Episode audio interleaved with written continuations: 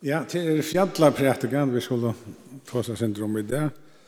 Og jeg halte at her er det så grulig viktig evne. Jeg tror at det er det er Jesus sjolver som tar seg.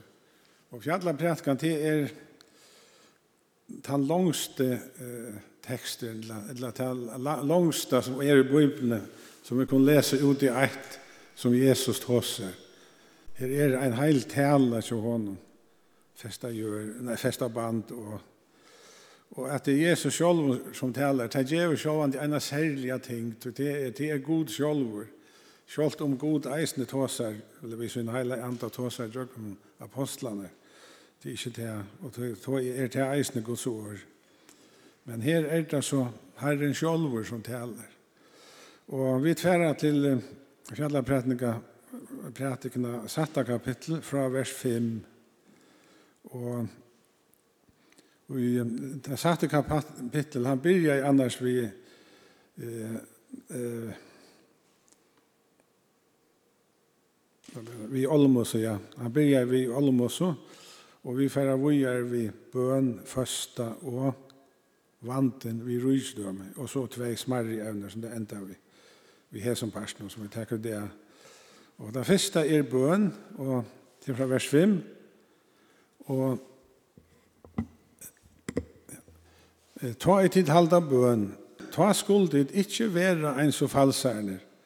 Du at heimon lukar vel at stand og halda bøn og i samkomme husen og av vea møten til tess at heimon er sadder av månen. Sannliga sier tikkun, teir hava langt og tidsi opp lønsøyna.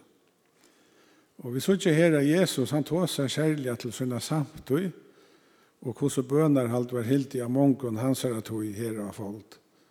Og her kommer vi nevne at jøder hadde trudjar fastar bønertøyer. Det var klokka 9 om morgenen og klokka 15 eller om nøvn, og så om solseter.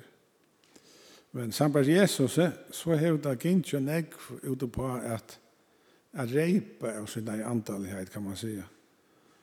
Og, og at reipa er at man helt det så tøyer, at folk skulle sudja, at nu stand det er og bie, og, og så la seg reipa så nær andalighet, og så er Og, og Jesus tåsar eisen om etter samme vi er djeva, som var det fyrre personen Her Jesus lærer oss at om vi vilja hava løn fra gode, så skulle vi djeva og bia og i lønton så er det til Guds vi skulle vente oss, og søke hans her at tokka, og ikke til menneske og terre å tokka. Einast av lønnen sluger fær, sier Jesus, er raus, eller er det som Jesus legger det i her, er raus fra menneske.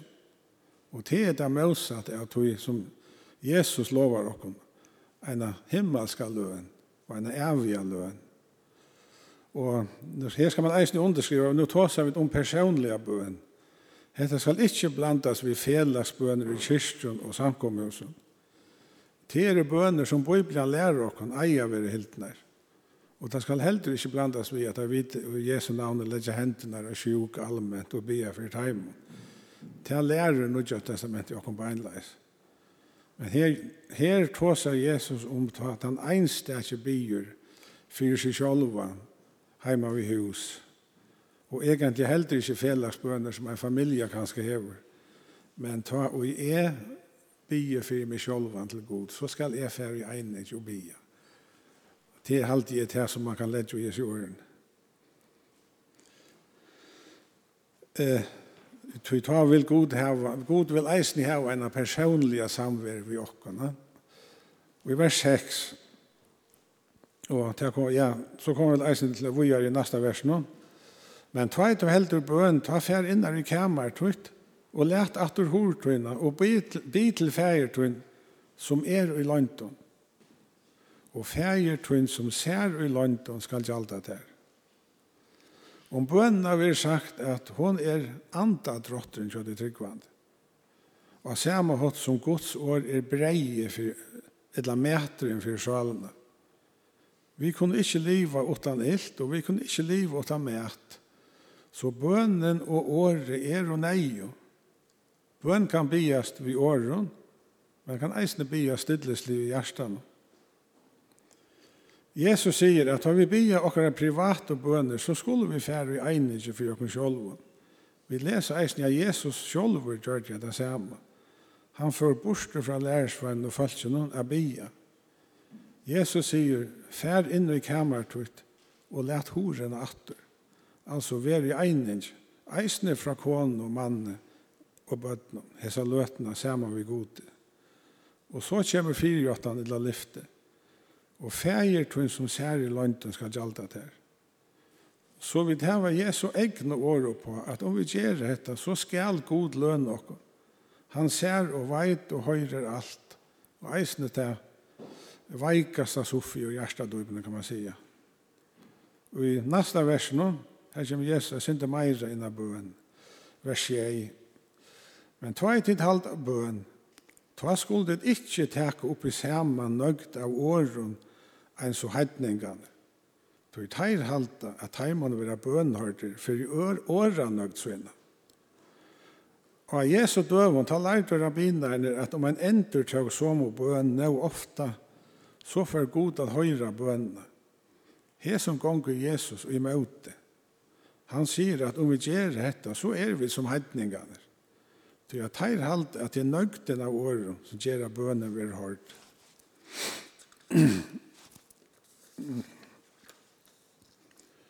Og Johannes 4, her er, lærer Jesus okken hese år, God er ante, og de som tilbyr han eier å tilbyr og i ante og sannlegger.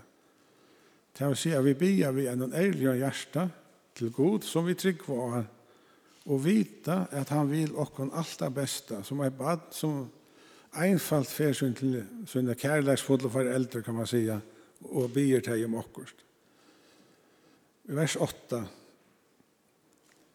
Verit vi ikkje taimon, altså heidningon, eller tatjar rabbinaren, verit vi ikkje taimon lujtjer, du er fægir tikkara veit hva tikkon tørvar, åren de bia. Vi ber at vi ikke til gods til at vi skulle forklare noen eka. Det er avnøyut. Han veit enda meira om okkara trobleikar enn vi sjálf gjør. Han veit kanskje grunderna, her, her vit ikke sjálf vidana. God veit alt dette her. Og så kunne vi kanskje sagt, hvor skulle vi så bia?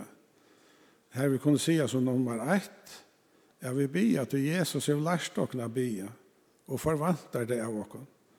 Og nummer 2, eisne tve til nei å ta bia. Jeg les eina for en sera gaua fragreing om, om grunden til, til eia bia. Her vil jeg sagt såleis. Om vi ikke bia, så henter det som henter skal. Det er okkar er skriva er i hans bøg stendig skriva. Men vi a bia kunne vi brøyta ting. ting Det er det fantastiska og underfulla vi bøn. Ta nyttar av bia, og det lønar seg av bia. Vi kunne bæra brøyta tingene vi bøn, og tog er bøn og forbøn så øyla neio. Det er bønnen som banar veien i andans vær. Og så kommer Jesus til, eller for Jesus at læra en ena bøn, eller kanskje en måte man kan bygge om, og hver, hver evne man kan bygge i vår. Og dette er så bliv enda til å vera heimsens kjentes bøn, og til bønnen feir var. Og henne leser ut om fra vers 9 til 13. Tvit eier tid å bygge såleis. Feir var, tu som erst i himmelen, heilat være navntøyt, komme rydstøyt, være vilje tøyn som i himmelen så a gjør.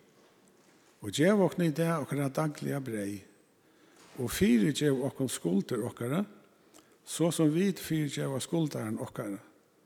Og leie okkur ikkje i fræstingar, men frels okkon fra de idla. Hette parsten av fei var som Jesus lærte sina lærersvenner, og okkur vi som i det er hans lærersvenner. Men det som er lagt at træt, sentne i bønne er en ukengur, kunne vi sige, tog at tutt er rujtje, valdi og heiren, om allar æver. Amen. Og er hetta ein lovprysan til god, og vi amen sier vi at vi samtidig og tog som sagt er. Om bønna fæger var, her sier Luther med landa, og i sønne katekismus, om versen 9 til 11, og her stitt nok som jeg. Jeg begynner årene sier okkon, at god vil få åkna tryggva at han er rett i feir åkara, og at vi er rett og bøtten hans herre. Så leis at vi vi anlite kunne bia til hans herre, hans og bøtt, bia for eldresynje om åkkurs. Og så igjen åsanar han, at Guds navn er heilat ur seg sjolvun. Guds, Guds rujtje kjemur, eisen i åttan okkara bøn. Det samme er vi Guds vilja, Og Gud gjever ødlån så daglige brei, enda øndon menneskje. Men tar vi bia så bønne, så bia vi om at Guds navn eisne må være heila til okkon, at Guds rujtje eisne må komme til okkara, at Guds vilje eisne må være tja okkon, og at vi med å være vira Guds gaver, og takk og imøter okkara daglige brei vi takk. Og Luther hever eina, som alt ego seg sjolv, en gaua fragrein til alle bønner. Og av hesen hever jeg ho at jeg kan fram parsten om vers 11, Gjev okkne i det okkara daglige brei, og hvert ligger ut i bønene. Og det er alt det i okkont hørver til løsens oppehalt. Breie er, kan man si, mynden oppa det. Og han sier her at det til dømes mæter, drekka, klæger, skegvar, hus, heim, marsk, fæ, peningur, gøss, gauur ektafelagi, gau bød, gau arbeidsfölk, gau og trofast ivervöld, gott styrislega i landunum, gott vevurlega, frigjur, halsa, gauur sier, gauur viner, tryggver grannar og tess Og vi kan godt si at nekka oss her, hever enn beinleis og avvirskan, og om vi får akkurat dagliga brei. Hvis vi tar en ringa EU-våld, så, så kan landet være så, så illa størst at vi ikke får akkurat dagliga brei til dømes. Så, så han har nok så rett i sin ting at alle disse tingene henger sammen for at vi kunne få det som åkken tar over. Og tog jeg vi det bia for EU-våld og akkurat landet i eisen. Til vers 12, fyrir jeg åkken skulder akkurat, så som vi fyrtjeva skuldaren okkara, etla som vi vanliga og i åresa bøen fyrtjeva okkon sinter okkara såla som vi eisne fyrtjeva taiman som vi møte okkon sinta. Her er vi Jesus sjolv reina fragreng i versen 14 og 15, tog at om tid fyrtjeva mann og misgjer terra, så skal himmels jo færre tikkare eisne fyrtjeva tikkon. Men fyrtjeva dit ikkje mannen, Så skal fære tykkar, ikkje heldur fyrtjøva miskjer tykkar. Om just detta evne hever Jesus et luknes i Matteus 8, om en skuldabunda tænare som skilta i kongen og negvan pening, men var ikkje fyrir fyrir gjalta. Kongren avgjørd, ja, bæg han og alt husja hans er av ågen skulle seljast av rinda skulden atter vi. Men han bønna i kong, og konger tog sinte jo han, og avskriva i skuldhansar og let han færa. Hesen samme og møter en som skildar hon en luttla skuld utanfyr, men ikkje av gjalta. Søvan seg. Men nu er det hin som byr hendan tænaren om nøy, men færda ikkje. Konkur høyr hetta og gjørs vreier. Lyfti om avskrivingen av skuldene vil brøtt til herra straff Jesus enda søvn av hesen årene. Såleis skal eisne himmelske fære må ingjere med å tikkun, om tid ikkje av hjärsta fyrtje av ein og kvarjon, ein og kvar brauersønn.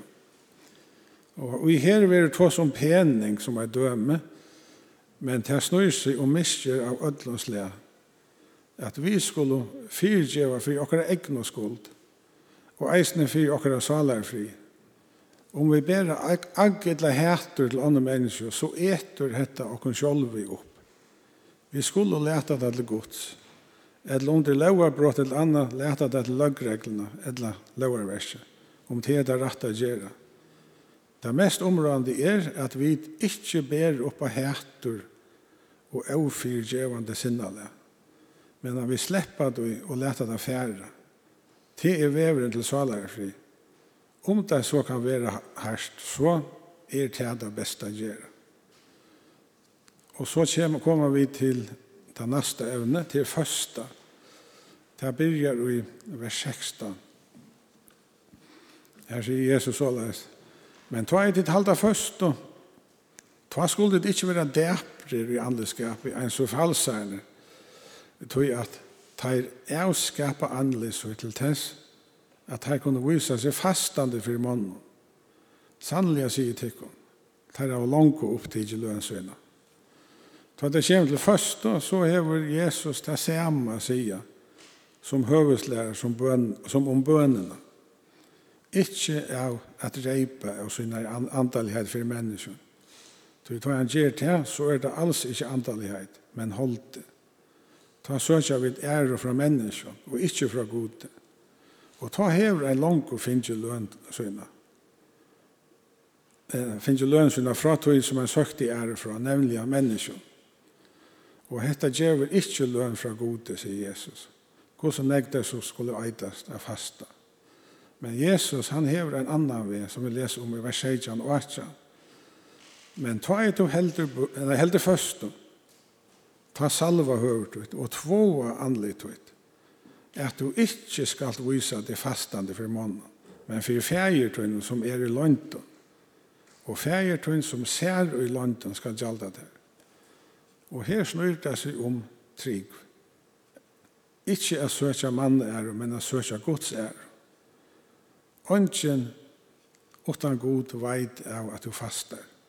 Og det er trygg, og derfor lønns og god lovar Jesus okkom. Paulus viser eisen jo at første er en hottur at temja likam jo på.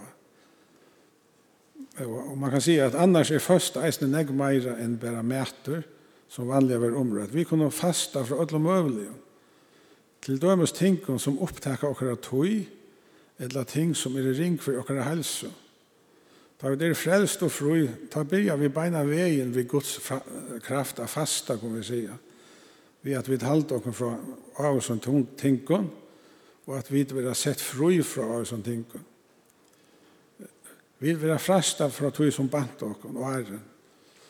Nek då er om at røytjaren han blev sett fri fra sigaretten og tobakje, takk han i sjolver vittne om eisne, og eisne fra a drekka, at man sett fri fra tog, og man vil sett frá fra nekon øren tinkon. Og man kan nevne alt mulig ting, at sjøren fra stoltri og lignaren fra likva og så vi er, så vi er. Og det kan eisne sies til det er en, at at brøyta loiv er eisne en, en måte jeg faste på, kan man sige. Men høves evne i første er så at er så mæteren av lukka framveis. Um, og så kommer han til et helt annet evne, det er vanten vi rujtjedømme. fra vers 19, 20 og 21. Savnet tykkun ikkje griper av folden, her som måler og rustur etta, og her som tjauar brød inn og stjala. Men savnet tykkun griper i himmelen, her som kvarskje måler eller rustur etter, her som tjauar ikkje brød inn og stjala. Tog at her som griper tunn er, her man eisne hjarta tutt vera. Det er øyla nek menneskje, som brukar allt sitt liv til å samla seg åkner. En tar upp att han mest herrande, renta og orättvista og ofyrgevande mata. Men som prætikaren sier, så er alt detta leitan etter vinter.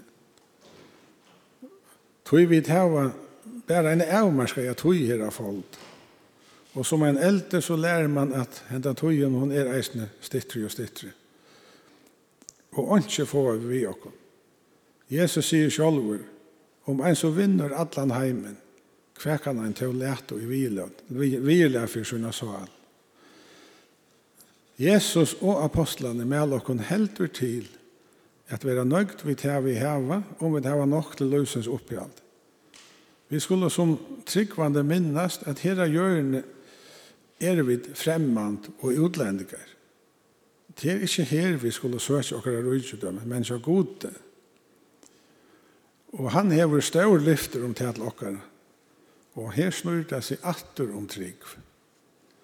Våra 3 24 sier så såleis.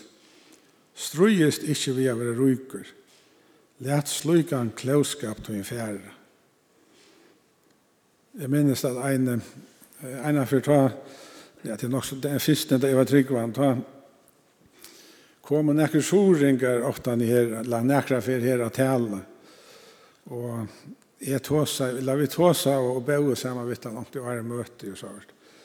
Og jeg minns at han ene, han fortalte en av luttla søv og akkurat hette her, eh, strujust ikke å være ryker, la sluk han klauskap til en fjerde, og det var synd og kjent litt egentlig. Så han stod i veis, og i var ikke at man skulle kjøpe en lottosel, eller hva det var. Og så sier han, så, man skulle takke et mannakopp. Så vet jeg hva god sier, og han fikk akkurat det året. Strøyest ikke vil jeg være, være ryker. Lætt sluk en klåskap til fjerde. Og man kan si at han får ikke kjøpe seg. Her fikk han god et år fra god beinleis. Um, og så er det et annet, helt annet evne som Jesus tar seg om fra vers 22 og 23. Eia er jævs likamsins. Er eia tutt frukst, ver alt likam tutt jøst men er eia til sjukt, ver alt likam til mist. Om til jævs ut her er miskur, hvor størst ver ta miskur. Her hugsi er vi er tåse om andalige sjøvn, ikkje likamlige. Det er nemlig sagt i Bibelen om de vantryggvande, at de er blind. Og ta vi hugsa om andalige blindhet. Et frukst eia er i hesen føren et andalit eia som ser inn i andans heim og skiler det andalige. Det er sagt at frukst her eisene kan tøya som åtta rokker eller som verande rent og klart Det er å si et antallet eia som ser vel. Et likamlige blindur, en likamlige blindur kan sakta oss hava gaua andalige sjøen. Det er kvørsvort. Vi kjenner døme om amerikansk Fanny Crosby som ikke er til åtale av Solomon og Sanko. Og i rikvinne kunne nevnes kjente sanger som Tryggur i Jesu ørmon, Jesus halt meg vidt en kross, og søvna sier meg om Jesus, som helst er det kjente som okkara leier. Hon var blind fra badni av, men man må si at hon hei henne virkelig gaua andalige sjøen. Det er alltid hans henne sanger viser ekvelige klart. Og så er det sørste evne, i vers 24, Ongen kan tjene tveimen herre. Du at anna kvart vil han hæta anna og elska anna, eller vil han halda seg atter eit øren og vannvire anna. Ti kunne ikkje tjena godi og mamma. Og året tjena merker her at ein høyre fullt og heilt under ein herre, eller en kipa. Det, Jesus, det som Jesus sier er at vi kunne ikke tjene bare god og djevelen. Det sier seg selv. Det som djevelen er Guds ærgaste møtstøv med over. Og dette er eisene til samme, kan man si, som Jesus sier vi kyrkjelin i oppenberingsbøkene om ikke å være lunkaver. Altså ikke at hedla til boar sjøyer, til sovlands budjokken utdater. Året som vi har brukt her er mammon, som var en avgoder i fotnare tøy, og vi setter i samband med penger. Som om en eurogram etter penger kan mette som avgoder diska. Tau er penger i seg sjolvun, ikkje ringer. Ein som Paulus sier at åndsje er ringt i seg sjolvun. Det som kan gjøre et ting ringt er hvordan vi brukar det. Vi kunne dæma døme om at en knuiver er skjæra henter og neier i hushaltene, og i husherhalten og er ta gauer. Men hver han brukter av myra vi, så er han idler eller rinker. Det er å vite mennesker som avvirker om tingene gjør gau eller ring. Og her kunne vi vente atter til døme om rygamannen, som Jesus selv brukte som døme. Han åtte omvidja pengen, men han ville ikke gjøre nekka godt ved ham. Han ville bare bruke alt til seg selv. Og i tog før hun brukte han sine penger på en ringa måte og nytteløse måte, kan man si. Det som Jesus her sier, om man ikke tjener tveimen her, til er at vi eier at vilja tjene gode av fodlån hoa og ångon øre. God hjelp i åkken til det. Amen.